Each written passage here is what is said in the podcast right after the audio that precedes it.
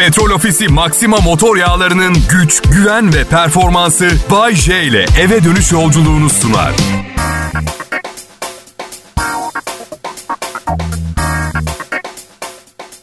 İyi akşamlar Türkiye. Cumhuriyetimizin 98. yılı kutlu olsun. E, keyfimize diyecek yok o zaman ha. Cumhuriyet Bayramı, Cuma akşamı, resmi tatil. Hafta sonuyla birleştirip 3 gün veya 4 gün tatile gidenler olmuş mudur bilmiyorum ama varsa... ...beni de yanlarına almadıkları için asla affetmeyeceğim. Bana diyorlar ki Bayce Bodrum'da yaşıyorsun ne tatili Allah aşkına ya diye. Ha öyle mi? Yani misal diyorum atıyorum mesela Maldiv adalarında yaşayan biri dünyayı görmeden hiçbir yere gitmeden orada ölsün yani öyle mi? Çok saçma bir şey bu. Yarın sabah İstanbul'a geliyorum sahnem var. Böyle zamanlarda sanki gezmeye gidiyormuşum gibi kandırmaya çalışıyorum kendimi. Valizde bir çift ayakkabı, bir don, bir smoking. Nereye gidiyorsam ya aldın tatile. Belli ki Bodrum'da hayat nasıl Bayce? Normal canım. Yani son derece normal. Sadece buraya taşınacaksanız alışmanız gereken bazı şeyler olabilir. Mesela karım titizlik hastası mesela evi temizliyor. İki buçuk saat sonra yerlere elinizi şöyle bir sürtüyorsunuz yine toz toprak. Yani Bodrum'da ev temizliği pencerelerinizi kapalı tutmadığınız sürece biraz zor. Bana fark etmez hiç titiz değilim. Bana kalsa sifon bile çekmem. Ama karım titiz bir insan. Ama evlendim yine de. Yani her güzelin bir kusur var. Benim yok mu sanki diye düşündüm. Nasıl fark ettim biliyor musunuz titizlik hastası olduğunu? Beraber yaşamaya başlamıştık karımla. Bir gün banyoda duşakabinin raylarını sildiğini gördüm. Beni gördü. Aşkım dedi. Bu eve benden önce kim geldi bilmiyorum ama çok kötü şeyler yapmışlar sana. Parmağını sürgüye sürdü ve cıvık bir şey çıkarıp bu domuz yağı dedi. E dedim iyi ki gelmişsin bu eve yoksa ben ne yapardım? Ha, bir tane bu arada o domuz yağı değil raylar kaysın diye sürmüşlerdi. Gres yağı. Ama önemli değil. Düşünmen yeterli. Emeğine sağlık. Artık raylar kaymayacak ve kırılacak. Yenisini taktıracağım. Sağ ol. Tanıştığımız ama kesinlikle çocuk düşünmüyoruz ve istemiyoruz diye karar vermiştik. O zaman birçok arkadaşım abi öyle söylerler ama aslında isterler demişti. Doğru söylemiş olabilirler. Şimdi arada bir bizim çocuğumuz olsa neye benzerdi Bayce'cim falan gibi konuya girmeye çalışıyor. Ben de umarım bana benzer diyorum. Sevgilisinin evine gidip duşakabinin raylarındaki gres yağını domuz yağı diye silmesini istemiyorum. Bu yüzden evet evet bana benzesin. Ya abicim bak 50 yaşındayım 35 yaşında tamam mı? Niye evlendim 35 yaşında bir kadınla? Para kazanıyor eve ekmek getiriyor ben de o ekmeği yiyorum. Çocuk olursa her zam dönemi strese girmeye başlayacağım yine. Şaka bir yana istiyorsa olur. O her şeyi hak eden müthiş bir insan. Korkunç durumdaydım. Beni yeniden hayatla dolu işler durumda bir bireye çevirdi. Hakkını ödeyemem. Ama bir çocuk da çok fazla bir ödeme değil mi bunun karşılığında? Gerçekten değil mi? Ha? Yani benden daha genç olan insanların çocuk sahibi olması daha doğru olur. Çok paranız varsa bu söylediğimi kafaya takmayın ama ben ben daha kaç sene verimli çalışabilirim ki? Gençlere yol açmak lazım. Mesleğimde yapamadım. Benden daha yetenekli bir akşam radyo şovmeni çıkmadı çünkü. Çocuk sahibi olma konusunda geri çekiliyorum ve meydanı gençlere bırakıyorum. 29 Ekim Cumhuriyet Bayramı Kral Pop Radyo'da Bay J canlı yayında. Ayrılmayın lütfen.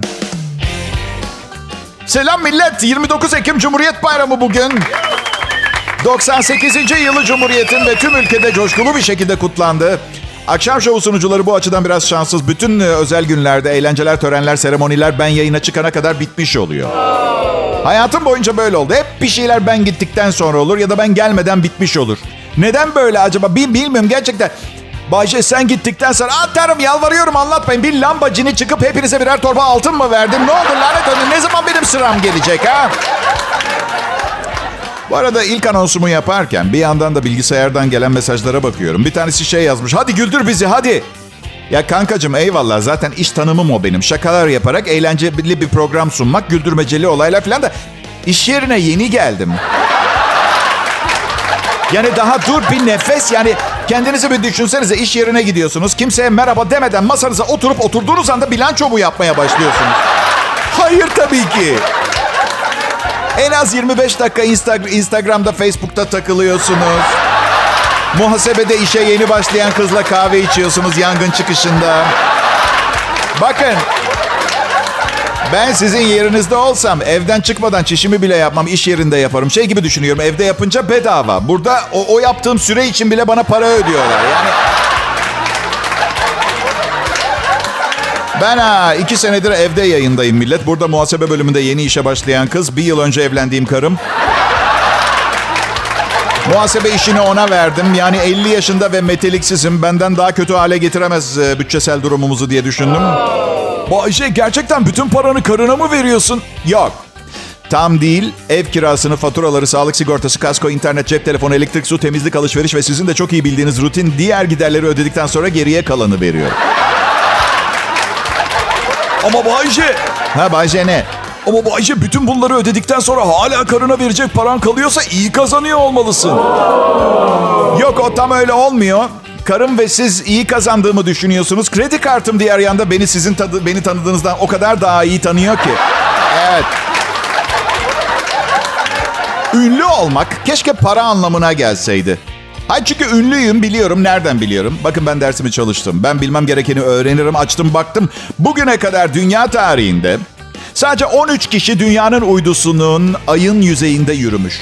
13 kişi. Dünya tarihinde sadece 13 kişi ayda yürümüş. Anormal meşhur olmaları gerekirdi öyle değil mi? Hayır ben daha ünlüyüm. Ben daha ünlüyüm. Ve hadi tamam okey. Ben 30 yıldır milyonlarca insanın dinlediği bir radyo komedisi sunuyorum eyvallah. Ayın üzerinde yürüyen bu 13 kişiden daha ünlü olan başka kim var biliyor musunuz? Instagram'da bir kiwiyi kabuğuyla yiyen 12 yaşındaki aptal bir çocuk. Bunlardan daha ünlü. Şöhret meselesi çok değişti. Ben gençken olduğundan çok farklı şimdi. Hadi okey ayda yürüyen 13 astronotu bilmiyoruz. Bari en son yürüyeni bilelim değil mi? Adı Harrison Schmitt. Harrison Schmitt ayda son yürüyen adam. Kim? Kim? Aa işte onu söylüyorum. Kim? Harrison Schmitt. Kim daha popüler biliyor musunuz? Bir kız var poposuna 6 kez ameliyatla her seferinde daha büyük yapay silikon popo taktırdı. O da Harrison Schmitt ayda yürüyen son adamdan daha ünlü. Ama en çok bak bu uzay meselesinde en çok kime üzülüyorum biliyor musunuz? Michael Collins. Bak bilmiyorsa ilk aya gidenleri hatırlıyor musunuz? Hatırlarsınız. Neil Armstrong, Buzz Aldrin.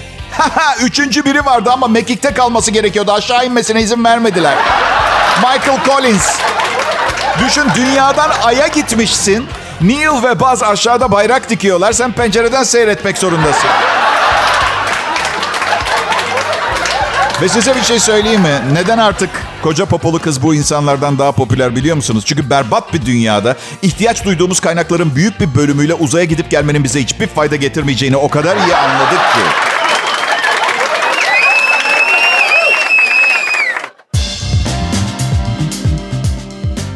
Cumhuriyet Bayramı kutlu olsun. Cumhuriyet'in kuruluşunun 98. yılını kutluyoruz. Ve Kral Pop Radyo'da bu mutlu günü sizlerle paylaşmak benim için bir ayrıcalık, bir onurdur arkadaşlar.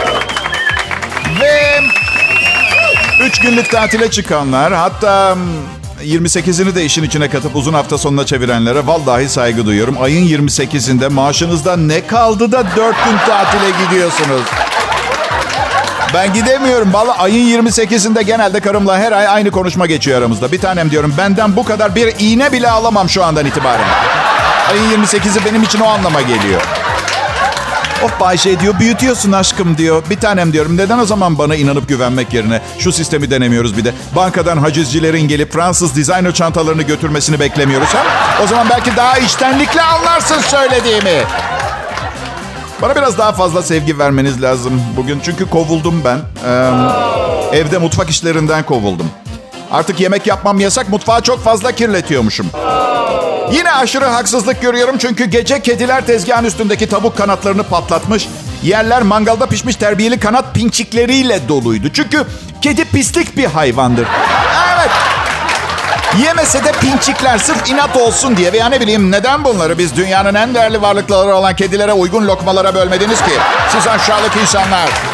Pinçikleyeceğiz. Mesajını vermek için. Neyse yani ben kahvaltı hazırlarken kirletmedim ama evde yaşanan haksızlıklara karşı da yeni bir formül geliştirdim. Bundan kaçış olmadığını iyice anladığım için artık anında neyle itham ediliyorsam ona inanmaya başlıyorum. Yani biliyorum kedilerin yaptığını ama suçu üstüme alıyorum. Of aşkım batırmışım mutfağı. Nasıl bir daha yemek yapmam yasak mı? Ama bütün iş senin üstüne kalacak. Okey kabul ediyorum. Ya dünyada son kalan çok iyi yemek pişiren 42 kocadan bir tanesiyim ve mutfaktan yasak yedim. Yemin ediyorum Masterchef'te bu kadar sıkıntı yaşamıyor yarışmacılar ya. Hangi yemekleri güzel yaparsın Bayce? Aha siz sayın ben onu da diyeyim. Yani yiyeyim pişireyim. Kıymalı, ekşili, kapuska, her türlü terbiyeli et, tavuk, balık, timsah, benekli, baykuş fark etmez. Bir zamanlar ses çıkarıp nefes alan bir şey bulun. Ben tavada size onu mükemmel bir şekilde pişireyim. Yemek yemeyi sadece sevmiyorum. Kötücül bir tarafım da var. İnsanları da besleyip şişmanlatmayı seviyorum. Arkadaşlarım bana yemeğe gelmeden önce iki hafta diyet yapıyorlar. Hani var ya şu aralıklı yemek diyeti moda. Şimdi bana yemeğe gelenler interval bu o ara olayını iki hafta olarak belirleyip öyle geliyorlar. İki hafta yemeden. Kral Pop Radyo'da hem yemeğe hem radyo komedi programı sunmaya iştahı kocaman bir J var. Ayrılmayın lütfen. İyi akşamlar, iyi bayramlar millet. Cumhuriyetimizin 98. yılında bu güzel 29 Ekim akşamında yanımda olmanız büyük incelik. Buna layık bir program sunmaya çalışıyorum. Herkes günde 2 saat yayınım olduğu için az çalıştığımı zannediyor. Oysa ki her sabah uyanıyorum ara vermeden akşam bu saatlere kadar size anlatacaklarımı kelimesi kelimesine yazıyorum. Siliyorum, tekrar yazıyorum. Siliyorum, beğenmiyorum, daha iyisini yapabilirsin. Bayce ediyorum, tekrar yazıyorum, tekrar çiziyorum. Ve o kadar çok yazı yazıyorum ki ne yazdığımı unutuyorum. Ben de sizinle birlikte ilk defa dinliyormuş gibiyim biliyor musunuz programı her akşam? Evet. Aa, bu şakayı kim yaptı acaba? Evden çalışıyorum. Avantajları var, dezavantajları var. Dezavantaj misal evde çalıştığım için yemek fişi vermiyor şirket. Anladığım kadarıyla evde çalışan insanlar yemek yememeli. Yayın yönetmenim Tolga Gündüz'e söyledim. Dedi ki abi ne yapacaksın yemek fişini? Evde karın sana yemek yaptığında ona fiş mi vereceksin? Ha, evet onun yerine nakit alıyor. Daha mı iyi? Almıyor ama aslında bir düşününce şöyle enine boyuna. Evli bile olsak her verdiğimiz hizmet karşılığında karşı taraftan mukabilinde bir ücret talep etsek ya. Evi temizledim 100 lira. Program yazdım 200 lira. Türk kahvesi 2 lira. Filtre kahve daha zahmetli 4 lira mize. Bak evde nasıl çalışkan oluyor herkes. Aşkım lütfen ben yapayım kahveleri bu akşam. Bak ne ol. Aa, yok son 4 sefer sen yaptın. Bak sakın elini o kahve fincanının üstünde görmeyeyim. Ay, evde çalışmak. Ev normalde çalışmadığımız ve çalıştığımız berbat işleri unutmaya çalıştığımız yer ya. Mesela normalde evde patron bağırmaz ama bağırıyor hem de görüntülü. Bir de normalde ofiste çalışırken müdür her zaman yanınıza gelmez. Evdeyken görüntülü arıyor istediği zaman. Evde en kötüsü ofisten kırtasiye çalamıyorsun. İki senedir bütün dosya kağıtlarımı ve ataçlarımı kendim aldım. Ya ofiste çalışırken evde tuvalet kağıdı masrafım bile olmuyordu benim. Nasıl Bahçe tuvalet kağıdı rulosu? Ruloyu götürmüyorum. Ruloyu götürdüğüm belli olmasın diye rulodan çekip katlayıp cebime doldurup götürüyordum. Sonra da evdeki boş ruloları sarıp takıyordum tuvalet kağıtlığına. Karım da diyordu ki tuvalet kağıdı fabrikasında son ütücüyü kovmuşlar galiba. Karım bana laf sokma konusunda çok usta. Ama söz konusu ben olmasaydım da karşısında kim çıkarsa yine sokacaktı gibi bir his var içimde. Yani o içinde var anlatabiliyor muyum? Bir laf cambazıyım siz de kabul edersiniz. Yani yıllardır kelimelerle hayatımı kazanıyorum. Ama bazen öyle bir laf koyuyor ki cevap veremiyorum. Geçen gün dedi ki o önündeki tabağı, tabaktaki yemeği bitirirsen başka şeyleri de bitirme riskin var düşünerek ye dedi. Eskiden olsa tartışırdım. İnadına tabağı bitirirdim. Şimdi çöpe döküyorum. Sonra da aç kalmış bir sokak serserisi gibi köşede oturuyorum bütün gece üzülsün diye. Kötü olan üzülmüyor. Bilakis mutlu oluyor. Bir arkadaşım e, en iyi kilo verme metodunu önerdi geçenlerde. Ayna karşısında ve çıplak yemek yemek. Denedim mi? Denedim. Sonuç? Artık en sevdiğim kebapçıya beni almıyorlar.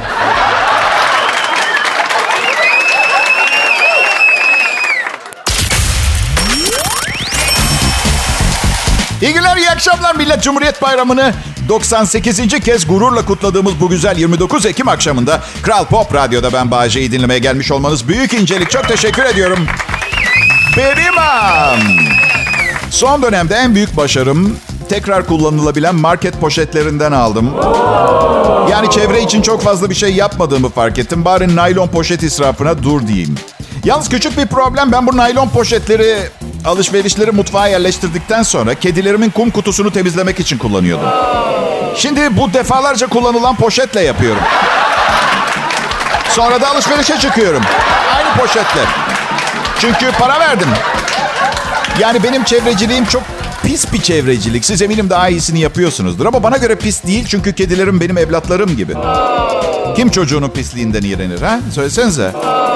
Müthiş bir hayvansever olduğumu iddia ediyorum. Diğer yanda çok fazla et yediğim için insanlar Böyle hayvan sever olunmaz diyor. Hayvanlara gerçekten değer veriyorsan et yememen gerekir diyorlar. Peki diyorum. Ya ben karakter olarak değer verdiğini yiyerek gösteren bir insansam?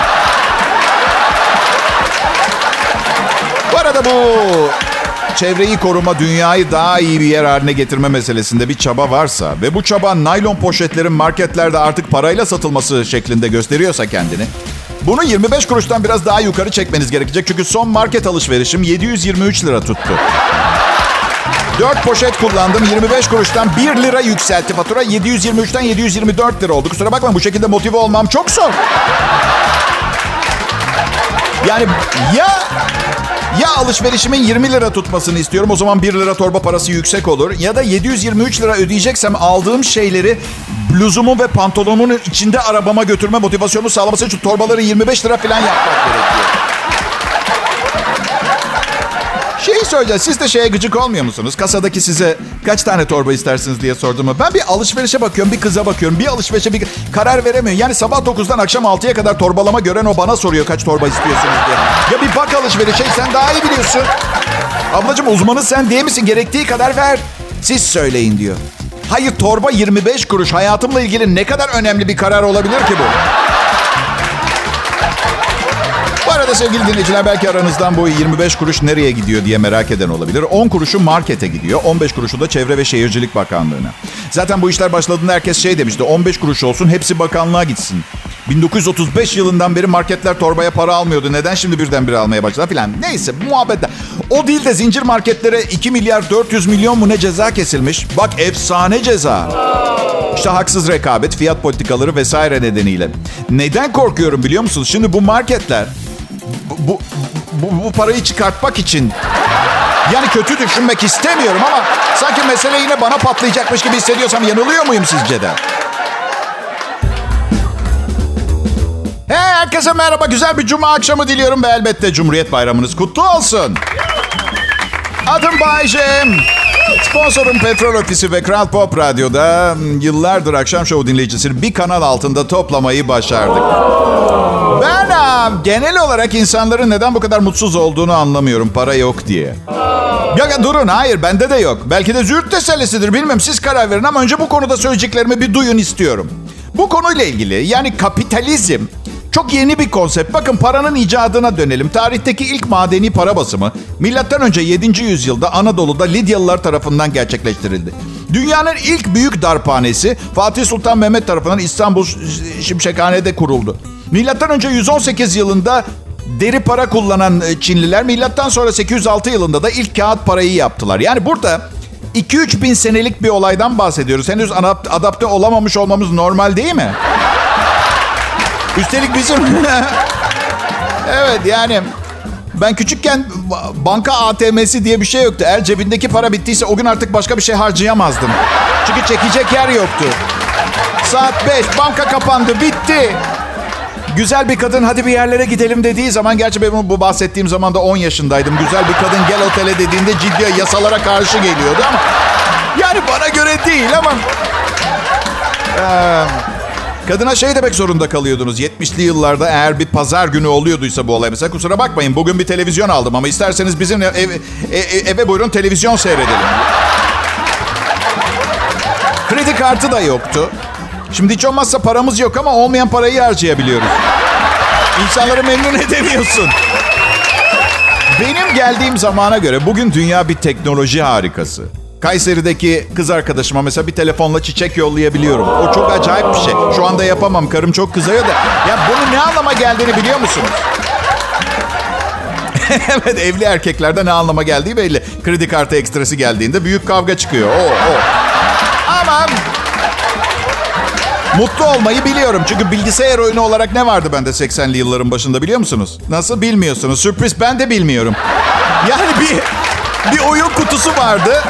İki düz çizgi, iki yanda bir de top. Ona vururdu iki taraf. Şimdi uzaktan kumandalı joystickleri olan e, konsol e, oyunlarla oynuyor çocuklar ve kıymetini bilmiyorlar. Yani bu kadar teknoloji harikası bir dönemin dünyanın bu derece şımarık ve kıymet bilmez insanlara tesadüf etmesine sadece ben mi acı ve rahatsızlık duyuyorum bilmiyorum. Ya oğlum içeriden bağırıyordu küçükken ya. Baba işte PS'in internet bağlantısı kesildi. Gidiyorum bakıyorum bir sorun yok. Beklesene bir dakika diyorum. Ya her ne yapıyorsan kesinlikle anlamıyorum ama yani bak uzayla alakalı işler bunlar. Uydudan uydudan oluyor ya.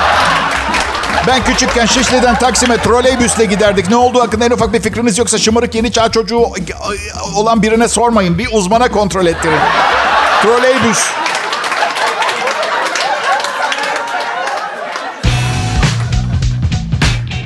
Ha, millet e, terapistim kendimden nefret ettiğimi düşünüyor.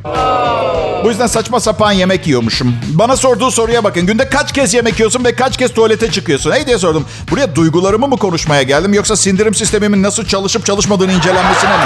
Hem kolonoskopi de çektireyim mi bir dahaki gelişim için? Ve fark ettik ki her kendime kızdığımda yemek yiyormuşum. Hem de ne yediğime bakmadan. Mesela normal kişi nasıl doyar? Oh be amma yedim karnım şişti patlayacağım. Okey tamam bu çok normal olmadı ama yani... normal kişi der ki doydum yeterli besini aldım vücuduma ve doğru olan ben doyduğumu şu şekilde ilan ediyorum. Tamam kendimden daha fazla nefret edecek halim kalmadı bu kadar yeter. Ya ben hayatımdan memnunum yani birlikte olduğum kadın, canım eşim. Bir senedir evliyiz. Daha öyle çok şey belli olmaz bir senede ama mutluyuz çok şükür. İyi. Manyağın teki. Evet. Ben size bir şey söyleyeyim mi? Düz biri olmadı benim hayatımda zaten. Çünkü hepsinden yeni bir şey öğreniyorum. Ve hayat bence yeni şeyler öğrenmek demek. Babam babasından daha çok şey biliyor. Ben de babamdan. Bu kötü bir şey değil. Değil ki babam evimize ilk televizyonu Yugoslavya'dan sırtında taşıyarak getirdi. Ben internetten kredi kartıyla sipariş ettim. Gelip kurdular. Babam annemle evlendi. Benim nereden baksanız 50 ilişkim oldu. Evet. Ve bunların sizi temin ederim büyük kısmı evlenmeden önceydi. Ahlaksız biri değilim. Sadece kontrolüm zayıf. Evet. Frenleri tutmayan bir otomobil gibi düşünün. Evet.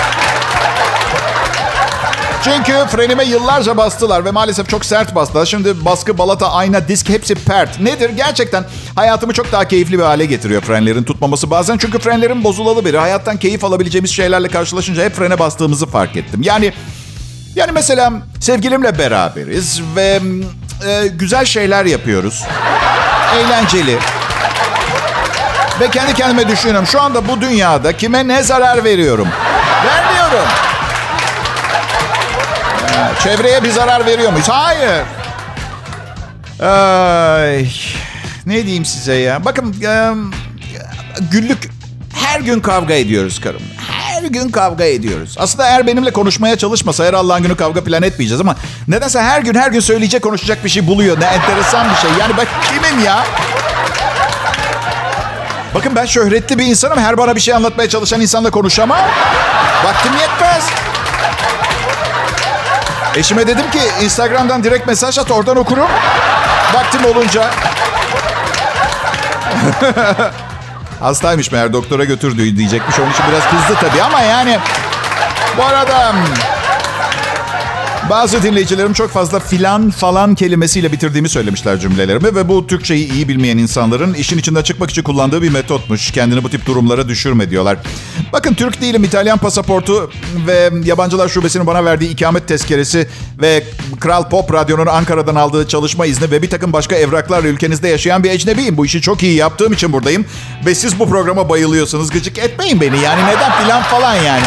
Yabancı ya şimdi yabancı olunca öyle bir avantajınız oluyor. Yani ana dilim İtalyanca. Canım isterse her cümlenin sonuna filan falan diye sosis kelimesini falan da koyabilirim. Aldın? Detayları bir kenara bırakalım. Eğleniyor muyuz? Eğleniyoruz Bayşe. O zaman problem yok.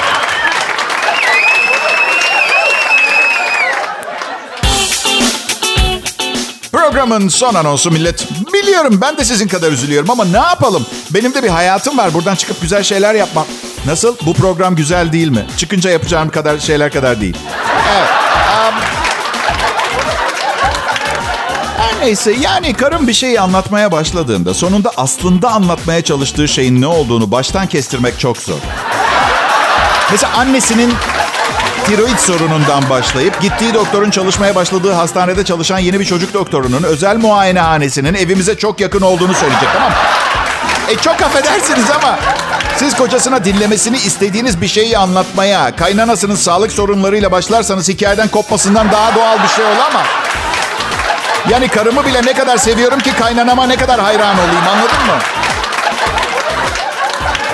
Ya şaka ediyorum. Yani biz evli olduğumuz için öyle durum. Yoksa tanısanız çok severdiniz karımı. Şefkatli, sıcak, cana yakın, iyi bir insan o olmasaydı belki de şu anda köprü altında ucuz içki içiyor olurdum ben. Keşke, keşke ama o kadar şanslı değilmişim demek ki. Evet. Ee, neyse, çok acayip. Ee, ne diyeceğim? Ha programı bitiriyorum evet. Ee, Cumhuriyet Bayramımız kutlu olsun. 98. yılı Cumhuriyetimizin e, katkımızı yapmaya çalıştık bu güzel programla. Ee, ve onun dışında... Evet, bence güzel bir programdı. Çok teşekkür ederim dinlediğiniz için. Ee, pazartesi akşamı umarım tekrar görüşürüz. Hoşçakalın. Petrol Ofisi Maxima motor yağlarının güç, güven ve performansı Bay J ile eve dönüş yolculuğunu sundu.